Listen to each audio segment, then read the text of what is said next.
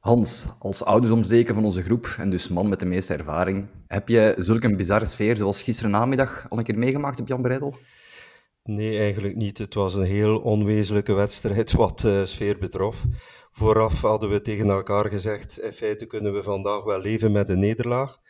Maar als je dan effectief uh, halverwege die tweede helft uh, op 1-1 komt, waar we zo naar elkaar aan het kijken en zeiden we tegen elkaar, ja, maar is dat eigenlijk wel goed?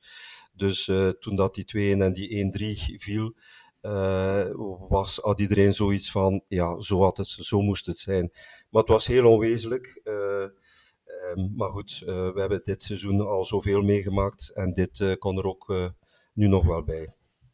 Ja, voilà. Hierover dus en nog veel meer vandaag in De Klokken. Weer eens iets vinden. Dat gebeurt ook weer eens iets. Eén keer trappen. Schitterend open. Sek helemaal vrij. En de parade van Mignolet. Oh, Simon Mignolet. En Sommel. En de Van Aken. Ja, de goal. De gelijkmaker van Club Brugge uitstekend uitgevoetbald. Farina. Juremans. Christiaans tegen de paal en binnen. Hans hebben we al gehoord. Uh, welkom Hans. Maar ook Matthias vervoegt ons vanavond weer. Dag Matthias. Wart jij ook weer uh, aanwezig? Yes, en kunt je Hans zijn mening delen? Ja, helemaal. Uh, ik was last minute net toegekomen op Jan Breidel en de wedstrijd ging pas starten. En um, het was een heel bizarre sfeer, want je, je bent eigenlijk wel een, ik kan niet zeggen euforisch, maar wel zeer blij en opgetogen dat Antwerp de titel niet heeft gepakt. Maar dan kijkt iedereen ook in de Zuidtribune, want uh, ik denk Jens, jij en ik waren allebei in de Zuidtribune gisteren. Uh, iedereen keek ook naar elkaar van oké, wat moeten wij nu hopen? En eigenlijk, het is de eerste keer in mijn, denk 17 of 18 jaar als abonnee, uh, dat ik hoopte op een, op een overwinning van een andere ploeg. nu hopen doe ik eigenlijk nooit, want tegenclub, dat, dat is gewoon onbrugs. Maar in deze fase van de competitie, waarbij dat het iedereen buiten Antwerp mag zijn. Uh, ja, dus wel een, een, raar gevoel, want je wilt toch dat de clubspelers het goed doen. Dus het was ja. een, een vreemde, vreemde begin van de wedstrijd. Als ik zo de, de reacties achteraf lees ook, dan is het supporterskamp van club ook een beetje verdeeld. Hè? Je hebt de mensen ja. die vinden van, ja, je moet de eigen ploeg blijven steunen. Dat kan niet dat je kijkt naar, het, hè, naar een andere ploeg en zo. Dus uh, ik ben zelf ook eerder in het kamp van, ja, ik vond het ook niet super erg dat we gisteren verloren. Uh, meer nog, ik, ik, was er ook wel een beetje vooral uit de router, moet ik zeggen. Want dat anti-Antwerp gevoel, ja, dat overheerste gisteravond veel meer eh, dan het, ja, ook, je bent nog steeds trots op je eigen ploeg. Je bent nog steeds als ze een goed spel laten zien. Maar toch, de anti-Antwerp gevoel, dat overheerste bij mij gisteravond uh, overdreven hard misschien. En dat heeft zich soms wel wat geuit in te veel de, ja. de tegenploeg, ah, in te veel de, de, de anti-voetbal, uit anti-supporteren, zeg maar. Ja. In plaats van voor de pro-supporter voor de eigen ploeg. Maar we, we gaan het later over hebben via Hans, want hij weet er nog meer ja. dan ons, denk ik. Maar het, het anti-support is, is iets te veel... Um, ja, is, is iets te belangrijk aan het worden op Jan Breidel en dat mag feitelijk niet. Ja. Dus, uh, maar bon, daar gaan we waarschijnlijk later over uitweiden, maar dit was uh, zeker het geval gisteren. En ik vind, tot een bepaald punt, vind ik Antwerp marginalen wel iets hebben, maar tot een bepaald punt. En, en die punt werd overschreden gisteren en dat vond ik wel een heel klein beetje spijtig. Ja. Even over het sportieve misschien dan eerst. Hè. De match zelf, ja, 1-3 eindstand. Uh, alles behalve overspeeld is mijn gevoel wel. Kwam de opstelling ook een beetje overeen met wat dat Jelle in gedachten had? Ja, juist. Ik had Sila verwacht in plaats van uh, Hendry. Uh, maar ik heb begrepen dat hij in aanloop naar de wedstrijd last had van de adductoren. Dus uh, ja, op zich was dat... we wisten dat we met een pak gekwetsten zaten. En, en dan nog eens Noah die ook geblesseerd was. sowieso wisten we dat, dat we met twee jongsters aan de aftrap zouden staan. Met, met Vermand en, en Noosa. En, uh, en voor de rest was het wel een uh, voorspelbare uh, opstelling, leek mij. ik had enkel Sila verwacht in plaats van Hendry. Maar ik kon best leven met die opstelling gezien de omstandigheden. Ja, dat denk jij ook, Matthias, vermoed ik. Ja, helemaal. Um, Sila had ik totaal niet verwacht uit de basis. Uh, dan denk je een beetje aan een transfer eventueel, want uh, er wordt gewacht gemaakt van heel veel uh, Europese subtop clubs die, die aan zijn mouw trekken. Maar blijkt dat hij wel degelijk oud is. Dus ik hoop echt niet te zware blessure, want we hebben hem nodig ofwel om een heel mooi transfer te maken, ofwel, en dan nog een betere scenario eigenlijk, om die voor te bereiden op het nieuwe seizoen en die uiteindelijk te behouden. Dus uh, ik snap de keuze voor Jack Henry, um, want er was feitelijk, denk ik, niemand anders om in de plaats te zitten, uh, geloof ik. Um, en, en voor de rest, ja, een, uh, opnieuw een versterkt middenveld met eigenlijk drie centrale middenvelders plus Hans van Aken. En het was voor mijn part geweldig uitkijken naar Antonio Nusa, want dat is misschien ons grootste toptalent. Hij laat het wel degelijk zien op training, nu nog meer in wedstrijdvorm. Maar ik vond hem gisteren eigenlijk wel in uh, zeer goed doen, uh, Antonio Nusa. Ja, die flank heeft ons zeker niet teleurgesteld. Hè. Nusa en Meijer, dat is wel een... Ah als je die twee samen kunt zetten op dit niveau, is dat wel een directe kwaliteitsinjectie. Hè. Nu, het begonnen meteen, ja, meteen, denk na een twintigtal minuten of zo, met die 0-1 achterstand dan. Nu, wat was jullie gevoel dan daarbij? Ja, ik had het gevoel dat uh, tot uh, die kans uh, dat Club in feite de match onder controle had, voortdurend balbezit, zonder in feite heel wat te creëren. Maar net ervoor dacht ik toch dat, dat een bal op de lijn werd gekeerd van, ik dacht, Vermand. En dan op de tegenaanval krijg je die, die, dat tegendoelpunt binnen. En uh, iedereen had zoiets van, nee toch, uh, maar dat typeert wel een beetje ons seizoen, dat we, en zeker gisteren, in die, in die 16 te laks verdedigden, en onze, onze aanvallende 16, uh, dat we weer die efficiëntie niet hadden. Um, en dat heeft zich doorgetrokken in feite naar de rest van de wedstrijd. En, en Rick de Mil heeft dat ook in zijn nabespreking heel duidelijk gesteld, dat puur op basis van gecreëerde kansen, balbezit, en, en open doelkansen dat Club veruit de betere ploeg was. Uh, maar Genk heeft uit, wat was het, vier uh, open kansen, drie doelpunten gepuurd. Ja, dat is dan wel misschien ook de kwaliteit van, van het, het Genk van vandaag ten opzichte van Club. Dat toch wel, ik zeg niet, het was een veredeld B-aftal, maar toch met, met veel B-jongens moesten aantreden. Dus, maar goed, 0-1 en iedereen had zoiets van, ja, dat is weer typisch voor ons. De betere ploeg zijn, maar toch op achterstand komen. Ja, ik vond, vond wel dat er voor een keer dat er... Um, ik had vaak frustraties dit seizoen van te veel gemiste open kansen. Gisteren had ik dat gevoel totaal niet, want bijvoorbeeld de, de, lijn, de, de bal van de lijn gekeerd van Mats Rits was gewoon een goede poging. Um, Romeo Vermand, zijn schot, ja, ging perfect in de winkelhaak en het was een, een super save van, uh, van Van der Voort. Um, en, en ook de andere kansen waren gewoon goed gedaan eh, of goed gekiept. Dus op dat vlak had ik misschien niet echt een, een probleem met inefficiëntie. Maar Genk was gewoon, ja, zoals Hans zei, dodelijk efficiënt. En, um, en, en ik vond ons zelfs een van onze betere wedstrijden spelen van play-off 1 en geheel onverwachts. Want zoveel geblesseerden, Noah Lang geschorst, uh, het seizoen is helemaal voorbij voor ons. Uh, het was zelfs beter eigenlijk dat Genk won om Antwerp van de titel uh, weg te zetten. Dus ja, heel eigenaardig, maar Club deed het, uh, deed het zeer goed, vond ik zelfs. Dus ik vond het een, een ja, onverdiende overwinning voor Genk. Maar het is voor de eerste keer ooit dat ik uh, niet uh, pist wegging van, van Jan Breidel. En dat is wel een unicum voor mij persoonlijk. Ja, ik was nu ook niet bij de, de rust te teleurgesteld met die 0-1 achterstand. Ja, het zonnetje scheen ook. het is plezant van de voetbal te gaan dan sowieso wel natuurlijk. Hè. maar ik was ook aangenaam verrast voor de match van Club. Eigenlijk gezegd, met een lijst afwezigen hebben wij toch tegen een ploeg die zich opnieuw in de titel wil knokken goed weerwerk geboden. En de einduitslag had voor mij eigenlijk even goed omgekeerd kunnen zijn. Ze. Ja. Uh, of, uh, dat is misschien wel veroplopend feit, want er moet nog een tweede helft volgen natuurlijk. dus ja, we gaan met de 0-1 aan de achterstal de rust in. En daarna, dezelfde 11 uiteraard, tot eruit komen. Hans van Aken maakt dan tamelijk snel die aanzettingsschool, denk ik, hè, na 20 minuten of zo. Ja, minuut 65 geloof ik, zoiets, 60, 65, ja. En dan, dan voelde je inderdaad wel dat het publiek ook weer een beetje op twee benen aan het hinken was. Hè. Ja. Gaan we vol voor die 2-1 gaan of niet? natuurlijk, uit automatisme ben je content uh, dat, dat Hans uit die hoekschop uh, scoort met het hoofd. Maar dan uh, keken wij rondom ons, want ik had de ik had echt uh, de indruk dat Club aan het doordrukken was uh, en, en dat Club uh, het ging forceren naar 2-1. En wij keken rondom ons en we, wisselden blikken uit van, mm, maar dat is wel niet de bedoeling, hè? dus, want Genk moet hier wel eigenlijk komen winnen om dan nog voluit te gaan volgende week tegen Antwerpen. en, en ja, dan op een counter werd die 1-2 dan toch uh, gescoord. En dan die 1-3.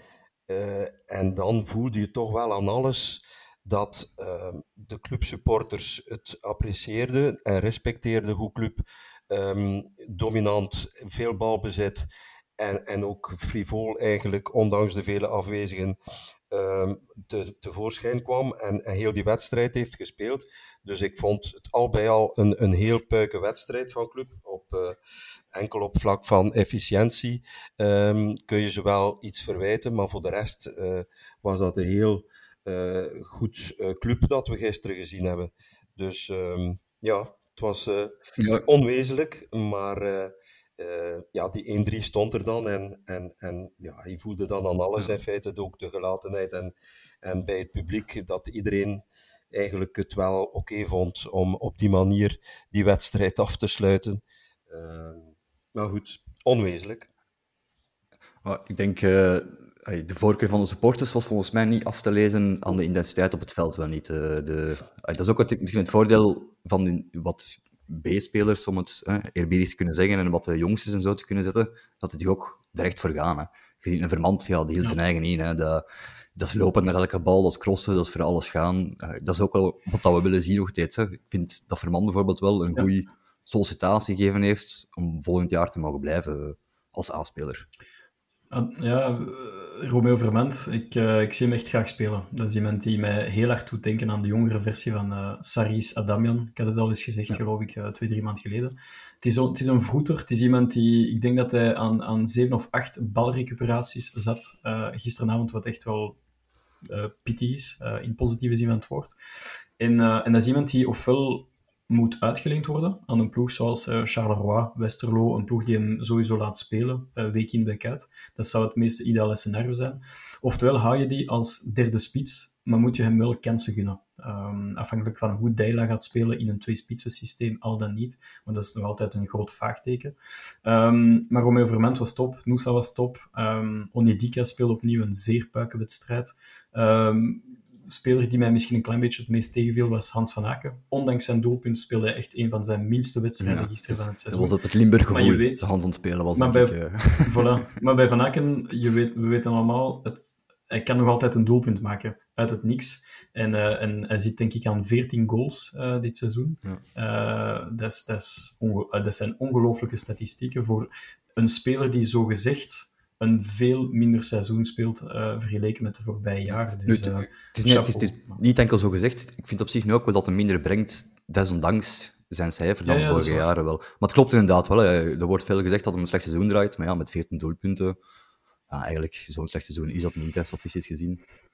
Uh, wat dat en, en, er zal een, en er zal straks een concurrent worden aangetrokken, wordt er gezegd binnen club. Uh, het zij een, een tweede acht naast eventueel die, die Hugo Vetlissen, die, die blijkbaar uh, goed uitziet om naar ons te komen. Um, of een, een, een jongere uh, nummer 10 speler die hem dan een beetje het vuur aan de schenen legt. Maar er moet absoluut iemand uh, bijgehaald worden uh, deze zomer die, die echt wel uh, Hans naar een hoger niveau doet tillen. Want we weten allemaal, als Hans uit zijn zetel voetbalt, dan, dan is dat nooit goed. Ja. Nog voor ons, nog voor hem. Dus, en dat, is, dat is zowel Hans van Aken als onze Hans. Hè. Dat is, absoluut. Wat dat wel jammer was, is dat Björn Meijer geblesseerd uitviel nog. Dat was denk ik nog voor die aansluitingstreffen zelf. Dus tamelijk vroeg in de tweede helft. Ik weet niet, heeft iemand al opgevangen hoe het de status is met hem? Nee, nee niks, niks is opgevangen. Nu, nee. ik, uh, ik vind wel dat Bjorn onze man van het seizoen is. En het uh, heel jammer is dat hij nu in extremis uh, uitvalt. En ik hoop dat hij die laatste wedstrijd op Union nog kan meemaken. Want voor mij is dit toch wel de revelatie van dit seizoen, 19 jaar. Um, ik had mijn verwachtingspatroon naar die speler toe van Groningen, die toch al heel vroeg op het seizoen was aangetrokken voor 6 of 7 miljoen, lag eigenlijk niet zo hoog. En hij heeft die verwachtingen echt uh, overtroffen. Dus voor mij is, uh, is Bjorn uh, de man van, het, van ons seizoen, de meest constante, zowel voor Qatar als naar Qatar. Na Qatar. En ik vind het jammer, maar weer symptomatisch voor onze uh, voor ons seizoen. We hebben seizoenen gedraaid dat we amper met uh, geblesseerde spelers uh, kampten. En dit seizoen vallen ze als de vliegen. Dus we hebben het al gezegd in de vorige editie van, van de podcast. Maar op medisch vlak is er toch een en ander dit seizoen fout gelopen. En ik hoop dat ze daar lessen uit trekken, want ze gaan dat op een heel wetenschappelijke manier gaan ze dit, uh, die belasting gaan, gaan meten en, en hebben ze dagdagelijks vragen die ze stellen aan de spelers om, en ze gaan nog eens wetenschappelijk meten, om dan vast te stellen dat van die vier uh, play-off 1 ploegen is Club Brugge veruit de meest gehavende in, in, in, deze eindfase. Die andere drie, uh, die kunnen praktisch met diezelfde elf heel het seizoen spelen, met uitzondering links en rechts weet ik wel. Maar bij ons was die blessurelast dit seizoen toch wel um, heel hoog. En, en in vergelijking met andere seizoenen, uh, eigenlijk uh, vind ik het voor een professionele voetbalclub als Club Brugge, waar uh, de, de wetenschap hand in hand gaat met, met het sportieve, vind ik dat eigenlijk niet kunnen. Het kan aan pech liggen, maar ik geloof niet dat dat allemaal te wijten is aan pech. Dus ik hoop dat ze in dat medisch kabinet dus uh, goed kijken wat daar dit seizoen is verkeerd gelopen. Uh, want ik vind dat wij bovenmatig veel geblesseerde spelers hebben dit seizoen. Ja, ik ben daar volledig mee akkoord. En denk, gelijk gezegd, enkel pech kan dat niet zijn. Hè. Dat, dat moet iets meer zijn dan dat enkel pech. Dan hadden andere ploegen ook wel in die mate last ervan. En dat is nu niet het geval, denk ik. Je hebt nu wel een Vincent Janssen die geblesseerd is uitgevallen bij Antwerpen. Maar dat is, dat is, ja. En de laat. de rest zijn inderdaad enkele lingen. Hè. Ja, ja, ja. Uh, verder uh, was ik nog aan het kijken, de laatste 10 minuten zijn er bij ons drie jongsters nog ingekomen. Dat is ook altijd wel plezant voor te zien. We kunnen er natuurlijk niet echt een oordeel over maken, denk ik, de 10 minuten dat Talbi gehad heeft, uh, of Homa. maar het is Sandra. Ja, Homa, Homa. Ja, Sandra ook natuurlijk. Sandra ook. Maar Homa heeft natuurlijk... ja, dat is, dat is een van de meest exciting spelers in, bij Next. Ik stel me nog altijd de vraag van met zijn carrure, als we het zo mogen zeggen, want hij is echt wel heel, heel klein kan het maken op, op hoog niveau en zeker bij Club Brugge. Um, maar zijn, ja, ik vind zijn kwieke acties en, en er komt altijd iets gevaarlijk uit zijn schoenen. Um, dus ja, ik, ik zeg niet dat hij nog meer kansen moet krijgen voor ons seizoen, maar het is sowieso wel een speler waarmee dat we, dat we rekening moeten, moeten mee houden voor ons seizoen. Mag ook een uitleenbeurt zijn, dat mag zeker ook. Uh, maar dat is denk ik echt wel een jongen die zijn kunnen moet tonen. Uh, het zij bij ons, het zij in een andere ploeg. Uh, want er zit muziek in. bij andere jongsters is het natuurlijk afwachten. En ik denk dat Deila, die heel veel jonge spelers kan brengen, hij heeft het al getoond bij Standaard en in zijn vorige clubs, hij zal denk ik, op vlak van next-spelers doorselecteren tijdens de voorbereiding. Uh, de, degene die echt indruk op hem maken. En daar kan altijd een surprise van de chef komen. Kijk maar naar Charles de Ketelaar. Niemand kende hem. En plots tegen PSG, fantastisch. En Clement zag het al de voorbije weken. Dus ik ben bijzonder nieuwsgierig naar de welke vallen eigenlijk uh, eraf of eruit. En, en de welke grijpen hun kans uh, voor Dijlen. Dus dat, is altijd een, een heel tof moment uh, tijdens de voorbereiding. Ja, het is ook goed dat je inderdaad Ronnie Deila aanhaalt, want dat is ja, nu confirmed. Vorige week was dat nog niet confirmed, dacht ik, in onze opname. Maar nu is het inderdaad ja. ja officieel Ronnie Deila. Um, ja, Matthias, denk uw mening daarover is net duidelijk gebleken. Je bent er wel fan van, volgens mij. Ja, op zich, als ik eerlijk mag zijn, eh, de, de drie kandidaten waren Schreuder, Gerards en, en, uh, en Deila. Uh, met nog eventueel een paar andere kandidaten ook. Blijkbaar hebben ze ook, ook gepolst naar Will en Muslic van Cirkel. Maar ik vind het een logische keuze. Ik, ik had eerlijk gezegd, Schreuder en Gerards hadden voor mij even goed geweest. meen ik oprecht. ik vind dat de drie hun kwaliteiten en hun gebreken hebben. Uh, ik vind Dijla, zoals uh, Nico van Halen het heel mooi zei uh, op Eleven Sports, net voor de wedstrijd tegen Genk, hij heeft dat opzwepende in zich. En, en dat, is, dat is denk ik hetgeen dat, dat de spelers nodig hebben. Een vestiaire van, van tussen naakjes vedetten managen is niet altijd gemakkelijk. En ik denk dat hij dat wel kan doen, want ik heb naar die filmpjes gekeken op YouTube van Inside Standaard. En, en daar zag je echt wel een, een Ronnie Deila die... die over de spelers heen heerste, maar op een heel constructieve manier. En ik denk dat dat belangrijk is, want ik denk dat de, de voorbije drie coaches, Rick de Mil, Scott Parker en Kel Hoefkes, ik denk dat de spelers een klein beetje neerkeken op de coach en niet echt opkeken. En ik denk dat een, een, een, een ik kan niet zeggen een groot ego, maar wel een belangrijk figuur, iemand daar iedereen waar naar opkijkt, dat is hetgeen dat wij gemist hebben vandaag.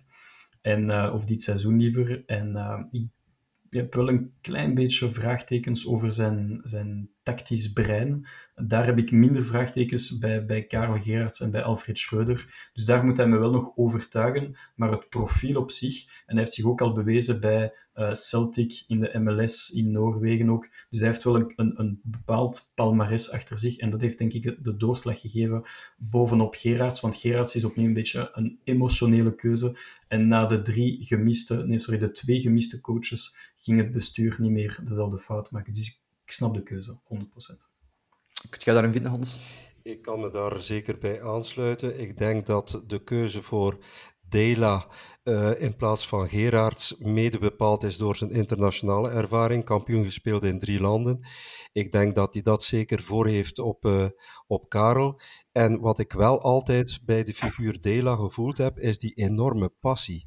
Dat uh, de enthousiaste manier van, van coachen. En daar heeft hij mij wel een beetje Leco-vibes. En iedereen weet dat. Ja. Um, uh, dat we toch wel, dat de match tussen Leco en het Brugse publiek wel gigantisch goed was. En ik heb zo een beetje het vermoeden dat Dela uh, wel veel van Leco, zijn manier van coachen, maar ook zijn band met, met de supporters, uh, dat dit ook wel een match kan zijn met het Brugse publiek.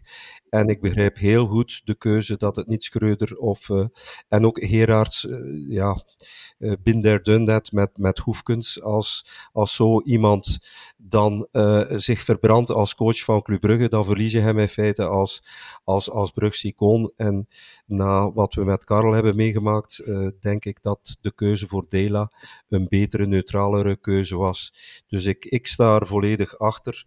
Um, ik heb wel een goed gevoel naar die trainerskeuze toe, ja. ja.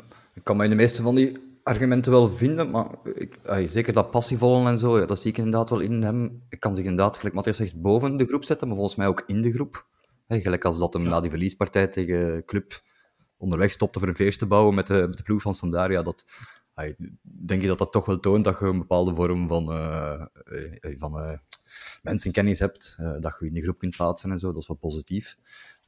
Maar qua jeugd, denk ik, ik heb hem dit jaar bij Standaard niet heel veel jeugd weten doen doorbreken. Nu, de jeugdwerker van Standaard staat ook op een lager pitje dan die van uh, Next, als ik uh, dat zo mag zeggen, als clubsupporter. ik denk dat we daar allemaal wel akkoord mee kunnen zijn. dus ik, ja, het is misschien wel begrijpelijk dat daar niet de juiste mensen waren voor door te selecteren. Uh, maar ik hoop inderdaad wel dat hem dat ook wel gaat doen. Dat hem de juiste mensen meebrengt vanuit Next naar de A-ploeg. Gelijk wat hij aangeeft, dat dat doorselecteren, dat kijken. Ja. Het is alleszins goed dat hem vroeg aangesteld is. Hij krijgt die kans, hij heeft de gelegenheid daarvoor. Dus eigenlijk alle troeven liggen goed voor hem. Dus ik denk ook dat, um, dat de speeltijd voorbij is ook voor bepaalde spelers. En, en dan, dan kijk ik eerder naar spelers uh, zoals uh, Brandon Mechelen, zoals uh, Hans van Aken, zoals Clinton Matta, zoals nog andere... Simon Mignolet. Simon Mignolet, spelbepalende spelers. En ik denk dat een Ronnie Deila...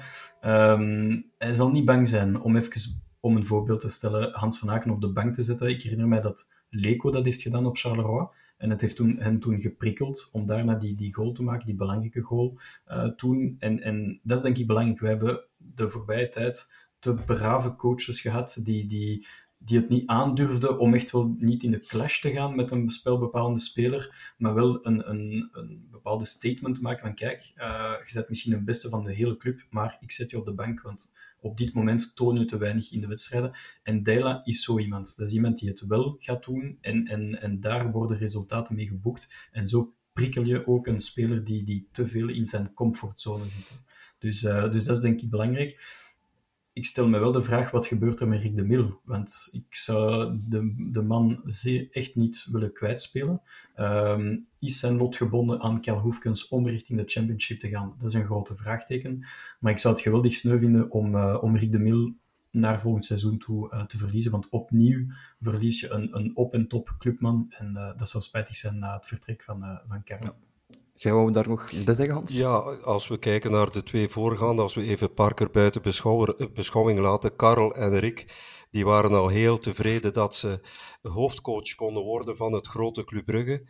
En die zullen zeker nooit ingegaan hebben tegen de wensen van uh, de CEO en de voorzitter. Daar waren figuren als Dela, zie ik wel in staat om even zijn gedachten te zeggen. En Rick en Karel waren al content van hoofdcoach Club Brugge te zijn. Die zullen zeker hun uh, positie niet in gevaar hebben gebracht door tegen de haren in te strijken van de manhart bijvoorbeeld. Dus um, en ik denk dat Dela dat wel in, in zich heeft om hem te overroelen en om zijn uh, idee door te drukken, uh, los van het idee van bestuursleden van Club Brugge. Want als je dan effectief leest dat Mannaert in die kleedkamer komt, ik denk dat met De Dela dat dat niet direct aan de orde zal zijn dat de CEO even bij de spelers na de wedstrijd of tijdens de rust even binnen, binnenloopt. Dus ik denk dat die daar heel wat categorischer zal in zijn dan, dan zijn voorgangers. Dus ik sluit mij aan bij wat Matthias net komt te zeggen. Dat hij zich wel, dat hij een ander figuur is die, die niet over zich zal laten rollen. Ja, ja, zeker dat uit de comfortzone trekken. Uh, ik denk dat dat inderdaad wel uh, gaat kloppen. En zich misschien ook meer moeien met de transfers. Uh, want de, laatste, de voorbije coaches hielden zich een beetje van op afstand op vlak van inkomende en uitgaande transfers. Maar ik denk wel dat Dela wel, ik ga niet zeggen het, het, het, bestuur kan forceren om te zeggen van pak die speler. Want er was een beetje gewacht gemaakt van Alzate van Standaard, dat hij zogezegd die speler zou... Want als er een nieuwe coach binnenkomt, zegt men altijd van oké, welke speler gaat hij meenemen? Uh, dat zou ook het geval geweest zijn bij Gerard van wie gaat hij van Union meepakken naar club.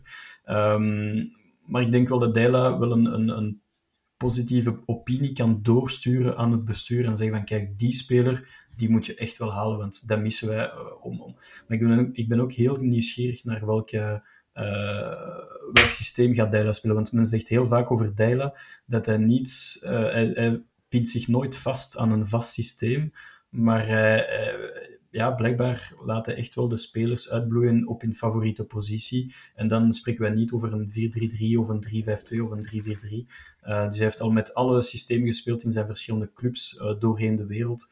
Dus ik ben bijzonder nieuwsgierig naar hoe hij club gaat laten spelen mijn mening is nog altijd dat de club uh, het, het meest uh, aanvallend kan zijn het meest dominant kan zijn in een 3-5-2.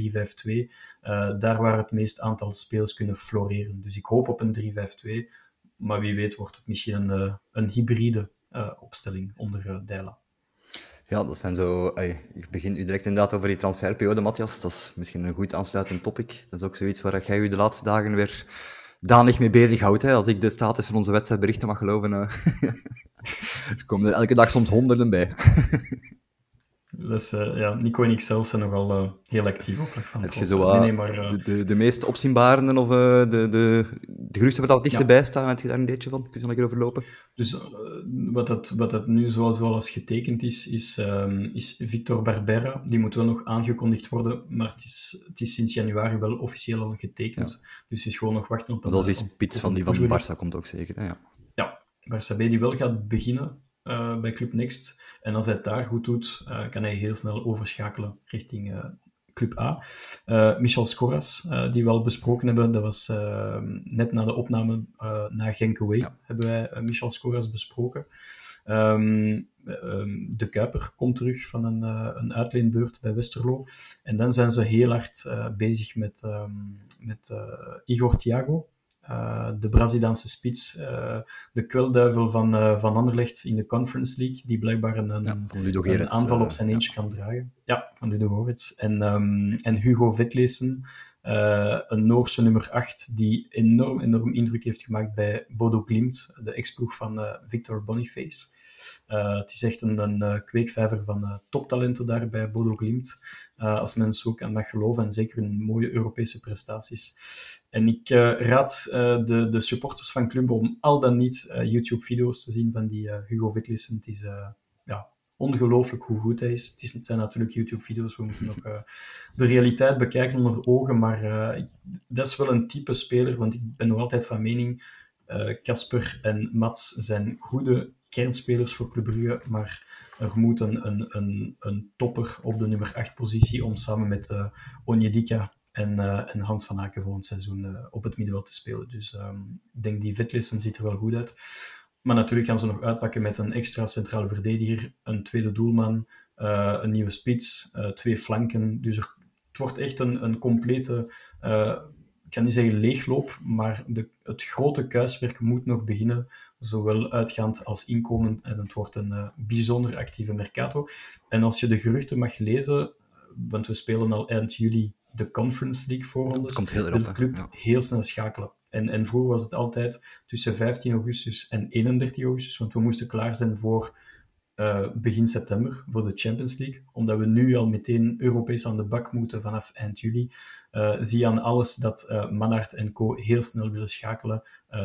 En zodanig dat de concurrenten zich ook niet smijten op zo'n Thiago of een, of een Vetlezen. Dus het wordt een leuke maand juni, juli, denk ja, ik. Ja, ik denk uw, uw verlof gaat danig in gebruik genomen worden door fora en Twitter te checken, denk ik. Mogelijk. Misschien ook even aanvullen, want ik krijg veel vragen van clubsupporters die mij vragen hoeveel voorrondes moeten wij in feite spelen. Even heel goed schetsen dat de loting op 21 juni, dus volgende maand, kennen we de twee tegenstanders, mogelijke tegenstanders, waar we tegen spelen. De eerste wedstrijd op 27 juli. Dus op 21 juni wordt er geloot. Gaan er twee ploegen worden uitgeloten in de eerste kwalificatieronde gaan spelen.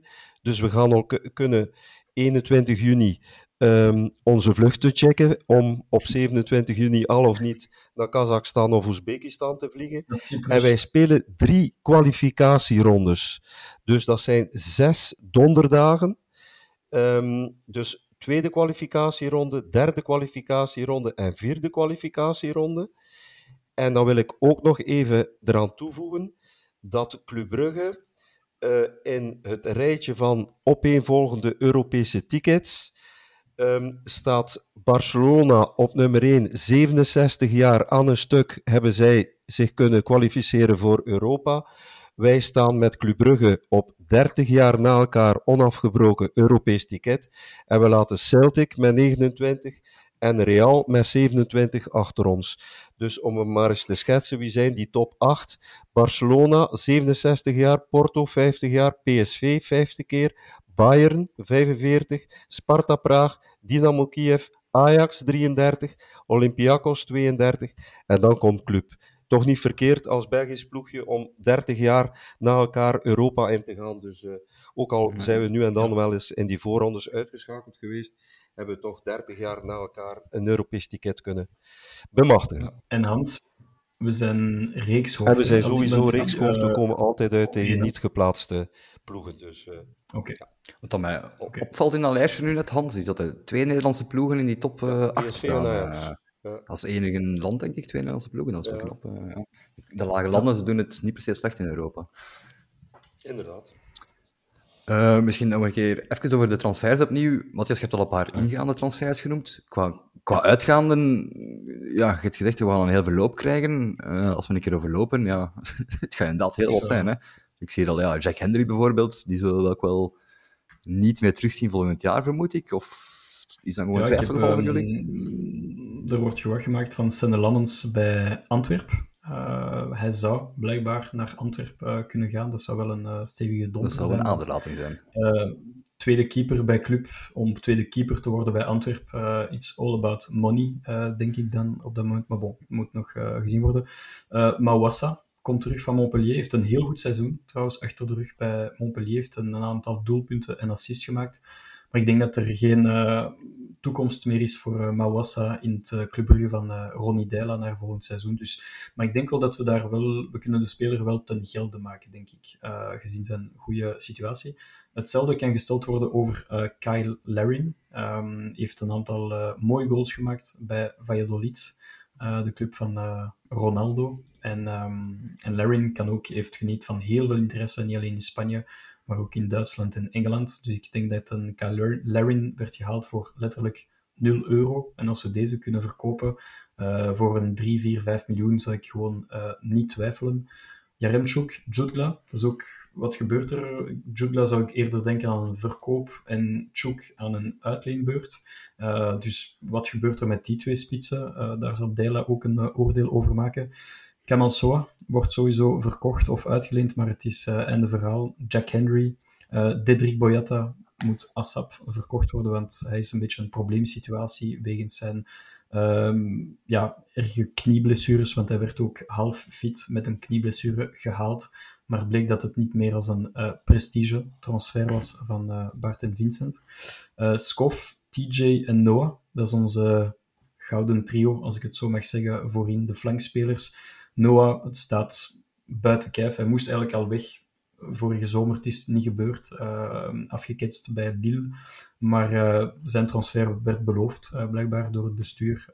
dus hij mag weg en hij wil ook weg. En ik denk, voor ons als fans, voor hem als speler en voor het bestuur, ik gun hem zijn transfer. Ik denk dat, dat Noah Lang nu echt wel zijn transfer moet maken. deze zomer, Scovolsen Um, daar ligt de probleem een beetje dieper. Het zit mentaal. Uh, hij heeft problemen met de, met de medische staf en hij wil weg. Dus dat is niet ideaal. En, uh, en TJ Buchanan heeft een soort van voorakkoord met Inter Milaan voor 15 miljoen, wat ik nog altijd uh, onbegrijpelijk vind van Inter Milaan. Maar be my guest. En ik heb uh, al lang niet meer zo weinig voeling gehad met een speler. Eh, dus ik zou zeggen, TJ Buchanan mag absoluut naar Inter Milan gaan. En dan, eh, wat gaat er gebeuren met Abakar Silla? Ehm, want Abakar Silla is een fenomenale speler die ik natuurlijk als basisspion wil zien naar volgend seizoen toe. En ik denk Dela en het bestuur ook. Maar als er boden komen van tussen de 20 en 30 miljoen, ja, van, we hebben hem gekocht voor 200.000. Ja, Spurs. Chelsea, Leipzig, Dortmund, eh, de, volledige, de volledige Europese subtop wilt Abakarsila. En als die scouts hebben gekeken naar zijn Champions League-wedstrijden, dan staat het buiten kijf dat hij een eh, carrière kan maken à la Odilon Kosunu. En het is ook een linksvoetige centrale verdediger, wat, een, eh, wat hem nog, nog meer waard maakt eigenlijk. Dus ja, Sila zie ik ook wel vertrekken eigenlijk. Voilà, dat was mijn Inderdaad, een lange lijst. Hè. Het is uh, meer dan enkel de ruggengraat dat veranderd moet worden. Hè. Het is echt inderdaad uh, zowel de vleugels, de ruggengraat, ja. als de benen. Wel, jij denkt bijvoorbeeld een, een ja. Otasowi, heb je, heb je die ook genoemd? Uh... nee, maar hij is een vrij speler. Ah, die is al... Oké, okay, want ik vraag me af, ja, wat daar nu gebeurd? Is, is hij nog voetballer? Dat is ook de vraag. Uh, misschien zit hij meer op de catwalk dan op de, de voetbalvelden. Uh, maar, maar heb ik al zes maanden niet meer gehoord of gezien. Ja, ja er zitten toch wel van die namen bij dat je denkt, dat was nu toch niet de beste keuze geweest. Uh. Dat zit bij elke ploeg bij natuurlijk. Is, ja, dus, maar ik weet dat HLN gewacht maakte van een, een transfer-enveloppe van 25 miljoen euro maar dan vergeten ze denk ik ook nog de verkoopprijzen. Hè. Dan spreek ik over uh, TJ, Skof, Noah, Abakar. Uh, dat geld zal ook niet integraal, maar zal natuurlijk ook wel geherinvesteerd worden in uh, bepalende spelers. daarom ook dat een Scoras voor een 6 miljoen werd aangetrokken. Ik denk niet dat ze zo hard gingen kijken naar de prijs, want ze weten ook dat ze binnen dit en een paar weken of maanden uh, spelbepalende spelers gaan verkopen. Dus uh, ik denk wel dat het spaarpotje nog meer dan breed genoeg is. En, uh, want mensen zeggen vaak van, oh, club speelt geen Champions League meer, dus het is nu alle hens aan dek. Maar zo diep zitten wij nu ook niet, denk ik. Nee, ik denk dat dat ook nog wel één, ja, één jaar dat je niet Champions League speelt. Het is niet dat daarom uw boeken per se rood zijn. Hè. Ze zijn niet zo rood als die van de Antwerp. Of Anderlecht. Uh, Hans, ik zie ja, voor de mensen die enkel luisteren, die zien natuurlijk uw mooie vlag niet op de achtergrond. Maar we waren daar straks bezig over uh, Europese away tickets kopen. Jij gaat die vlag ook weer vol een bak meebrengen, dan vermoed ik, als jij Europese away gaat. Kijkt je uit naar de Conference League matchen? Eigenlijk wel. Ik moet eerlijk bekennen dat ik misschien nog meer uitkijk naar die Conference League wedstrijden, omdat het onbekend terrein uh, we kunnen misschien naar, die, naar plaatjes uh, in Ierland, Schotland, uh, Oostblok, whatever, waar we normaal nooit in Champions League wedstrijden naar, naartoe zouden gaan. Dus ik kijk daar echt best naar uit. En ik, ik, ja, als ik kan, dan zal ik zoveel als mogelijk natuurlijk meereizen. En die vlaggen, ja, ik heb denk ik de, meer dan 30 uh, vlaggen, dus ik zal er wel telkens twee of drie uh, laten meereizen. Maar ik kijk er zeker met heel veel goesting om een, om een Vlaams woord te gebruiken, met heel veel goesting naar uit naar het nieuwe, het komende Europese seizoen. Heel zeker. Hans, wat vond jij van de, van de sfeer gisteren? Want er was heel veel gewacht gemaakt van uh, anti-support versus eigenlijk meer het, het, positieve support van de Loyals. Hoe ik vind gejen en uh, lachen met de tegenstander en anti-liederen, ik vind dat best oké. maar op een gegeven moment moet je daarmee stoppen. Ik heb ooit Riekje, dit is een neef van mij, en als ik, we klein waren op familiefeesten, dan uh, was niet het, het scherpste potlood uh, in onze familie. En als we klein waren, dan moest Riekje altijd mensen choqueren. En dan kreeg hij de aandacht. En na een kwartier deed hij dat terug. En na een kwartier terug, toen dat mijn onkel en tante zeiden, Riksje, ga je dan nu alsjeblieft mee ophouden. En ik vind dat er gisteren veel te veel Riksjes in ons Jan Breidel zaten. Want um, we zijn meer en meer verworden tot een antipubliek. Ik weet dat sportief het niet echt goed gaat dit seizoen. Maar als je vaststelt dat antiliederen zoals uh, Alwini Springt, Anti-Buffalo en Antwerp Marginale, dat dat de, de de enige songs zijn die massaal door Jan Breidel gaan al heel seizoen, dan stel ik mij de vraag naar waar blijft onze positieve support? Support betekent positief supporteren. Nogmaals, Geyen kan voor mij, maar het moet op een gegeven moment moet je daarmee stoppen. Wees alsjeblieft niet als mijn neefje Riksje. Probeer toch aan te voelen wanneer dat je moet mee ophouden. En ik vind dat we daar los erover gegaan zijn gisteren. En ik vond het zelfs gênant. Want bij een 3-1 had ik het gevoel, blijf ik nu of ga ik nu uit het stadion? Want ik kon me niet meer identificeren met de sfeer die toen op Jan Breidel hing. En ik heb, ook, ik heb het ook niet voor Antwerpen. En ook ik heb gejuicht bij het, eh, de gelijkmaker van Union. Uh, ik, ik, ook ik heb uh, die laatste tien minuten van Antwerp-Union met meer dan normale aandacht gevolgd. Ook ik wens maar één ploeg die titel niet toe, en dat is Antwerp. Maar alsjeblieft, gisteren zijn we over een grens gegaan van wat het anti-supporteren betreft. En ik vond het gênant. Dus jammer, het mag voor mij, maar stopt op een moment dat het te veel wordt. En dat was er gisteren niet. Het is een spijtige evolutie. Het is een beetje sign of the times. Ook op social media. Het negatief gevoel dat uh, het positief gevoel uh, domineert. En ik denk dat we daar, daar volgend seizoen met alle supporters, sfeergroepen binnen Club Brugge toch wel even moeten naartoe kijken hoe we die sfeer kunnen omturnen van een antisfeer naar een positieve clubsfeer. En ik moet zeggen, op het einde van de wedstrijd, na de 3-1, dat in de Bovennoord uh, We Love You Bridges weer klonk en Bridges Till I Die. Maar de anti-support bleef dat overstijgen. En dat vond ik jammer. Maar ik had toch het gevoel dat er best wat jongens in de Bovenoord het gevoel hadden van kijk, dit is nu genoeg geweest. Laat ons nu nog eens onze liefde voor Club Brugge beleiden. En uh, We Love You Bruges zingen het nu. Ik vind dat de sfeer nooit anti-Club Brugge is gegaan. Het was anti-Antwerp. Uh, mm -hmm. En niet per se pro-Genk maar anti-Antwerp. En dat wil ik wel eens, want op, op social media zou je kunnen uh, afleiden dat we tegen Club Brugge hebben supporterd gisteren. Nee, zeker niet. We hebben ook onze jongens na de wedstrijd, tijdens de ereronde, hebben we Rick de Mil ook al zijn naam werd gescandeerd. We hebben hen een staande ovatie gegeven. En veel mensen zijn dan ook nog in de in de Noordtribune gebleven en overal in het stadion. Het was de laatste thuiswedstrijd. Dus ik vind wel dat ze daar geproefd hebben dat we hun prestatie gerespecteerd hebben, gewaardeerd hebben. Maar tijdens de wedstrijd overheerste het antigevoel. En dat vind ik even er los over gisteren. En dat, ik, dat gaf mij wel. Let op, de Antwerpse Club Brugge supporters vonden dat een toffe sfeer. Maar ik zit naast de Limburger en Bert had zijn zoon mee, Tuur, genoemd naar Tuur Dirks, die ooit scoorde uh, de week voordat ze zijn vrouw beviel.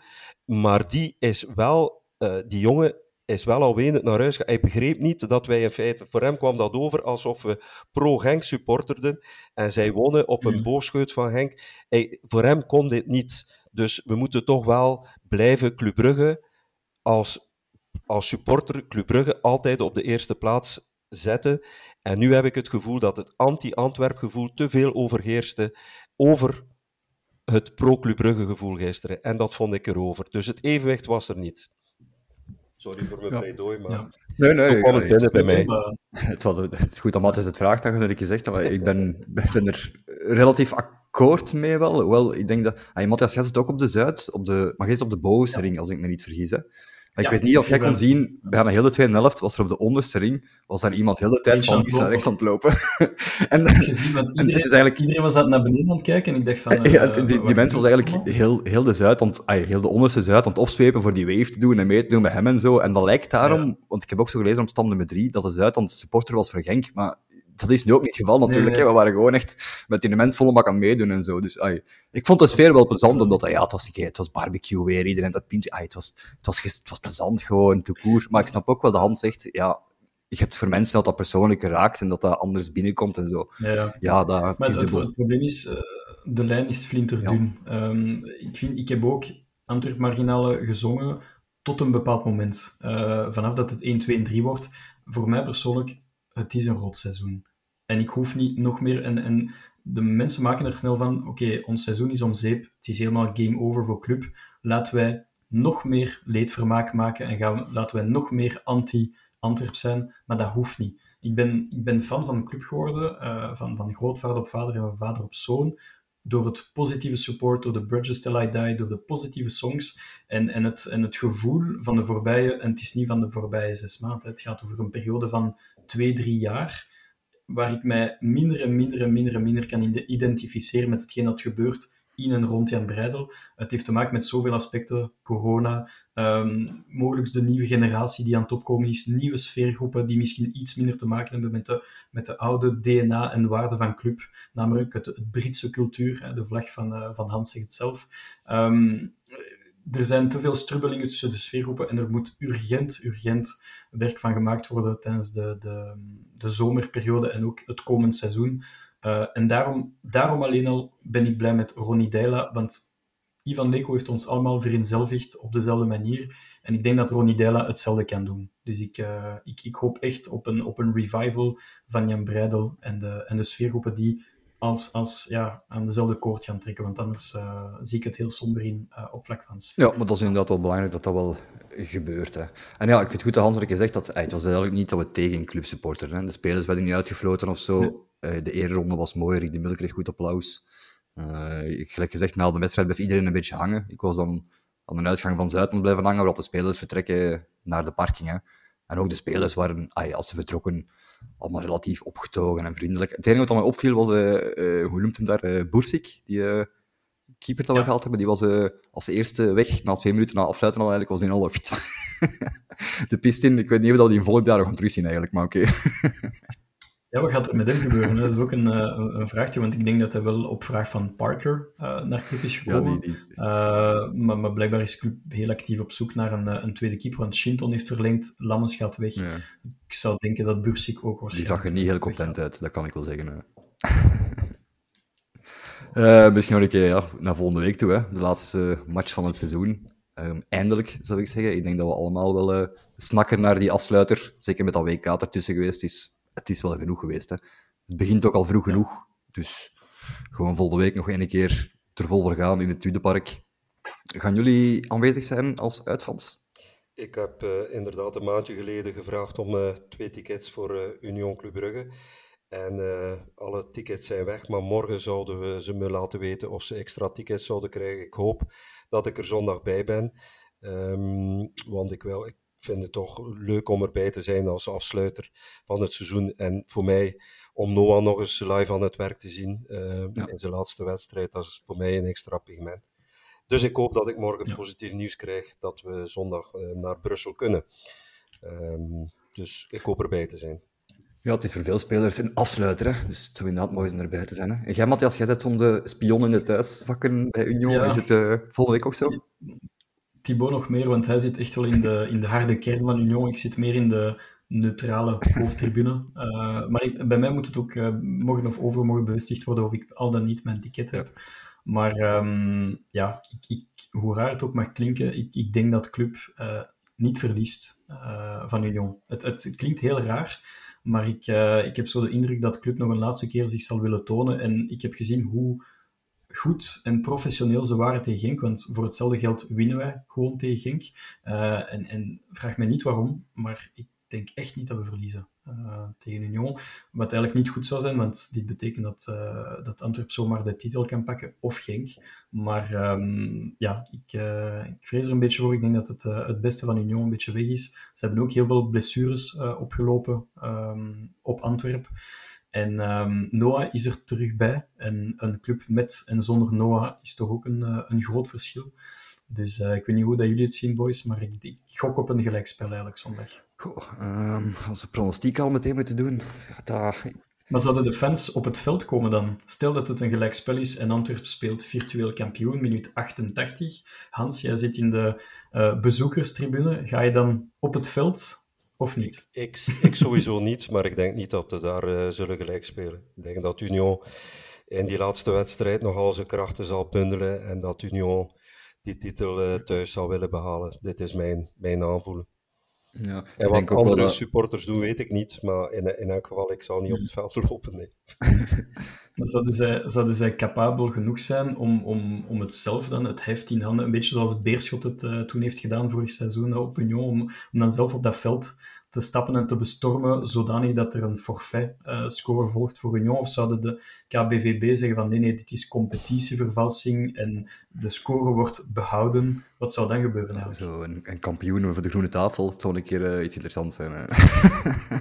Dat zou wel grappig, grappig tafereel. Keer het uh, uittesten waard of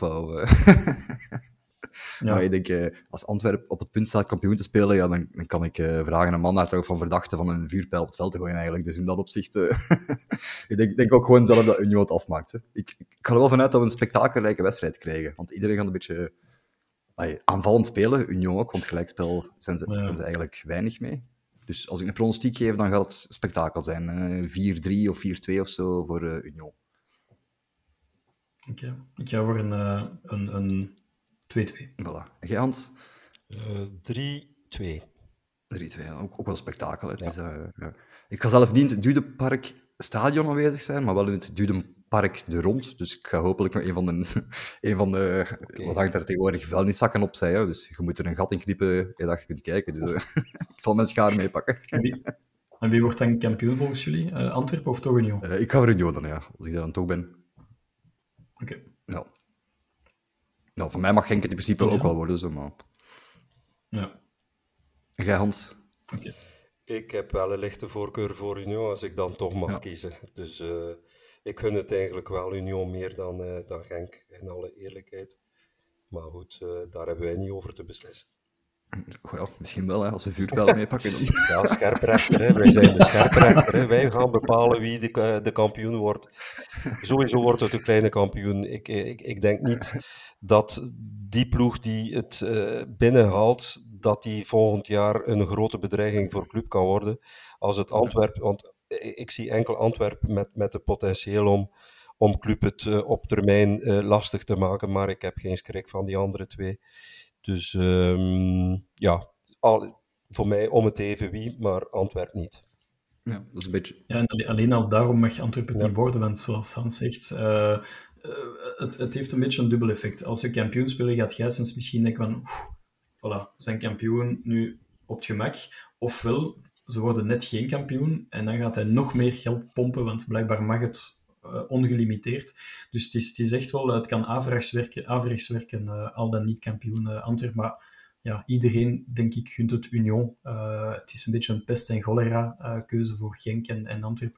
Maar natuurlijk is, is Antwerp de pest op dat moment. Ja. Wat wel een, een, neutrale voetbalsupporter vriend van mij opmerkte, was wel dat club toch wel duidelijk een voorsprong heeft. Als club een keer een slecht jaar heeft, dat er drie anderen moeten bikkelen. Het is niet dat er een echt duidelijke tweede is in onze competitie. Hè. Je hebt zo de drie ploegen die nu tweede zijn, en dan ja, eigenlijk één iemand dat er nog steeds bovenuit steekt. Enkel dit jaar niet. Maar, maar en ik denk als, als Union kampioen speelt, echt waar, chapeau Karel Geerts, want zo'n Europees parcours afleggen, uh, met zo'n smalle kern, en dan toch nog de, de oppergaai uh, binnenhalen. Want uh, niet vergeten, de twee andere ploegen hebben geen Europees voilà. gespeeld, en dat maakt een gigantisch verschil. We hebben het gezien met Ivan Leko, we werden toen uitgeschakeld tegen AEK Athene.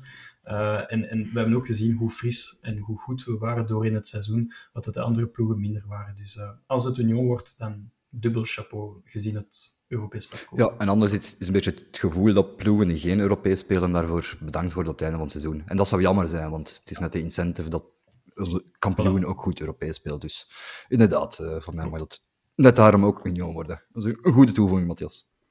Dan denk ik dat we ver rond zijn. Hè. Tenzij als iemand ooit wilt aanvullen. Maar ik denk dat we alles gezegd hebben voor deze week. Kunnen we uitkijken naar het einde volgende week. En uh, nog een nieuwe aflevering dan. Hè. En ik denk daarna dat we nog wel terugkomen in uh, het tussenseizoen met een special of zo. Hè. Maar dat wordt misschien nog wel uh, ja. op de sociale mediakanalen vermeld. Dus ga ik afsluiten met de gevleugelde woorden van Thibaut. Vergeet, uh, vergeet ons zeker niet te volgen op uh, de sociale mediakanalen. of vergeet zeker niet van ons wel te volgen. Het is een keuze dat je mocht maken. Hè. Alleszins uh, bedankt voor het luisteren hè. en tot de volgende keer. Nu Perisic vinden, dat gebeurt ook Perisic. één keer trappen, schitterend open. Sek helemaal vrij en de parade van Mignolet. Oh, Simon. En Sommel.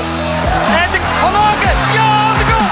De gelijkmaker van Club Brugge uitstekend uit de voetbal. Farina, Juremans, Christian tegen de paal en binnen.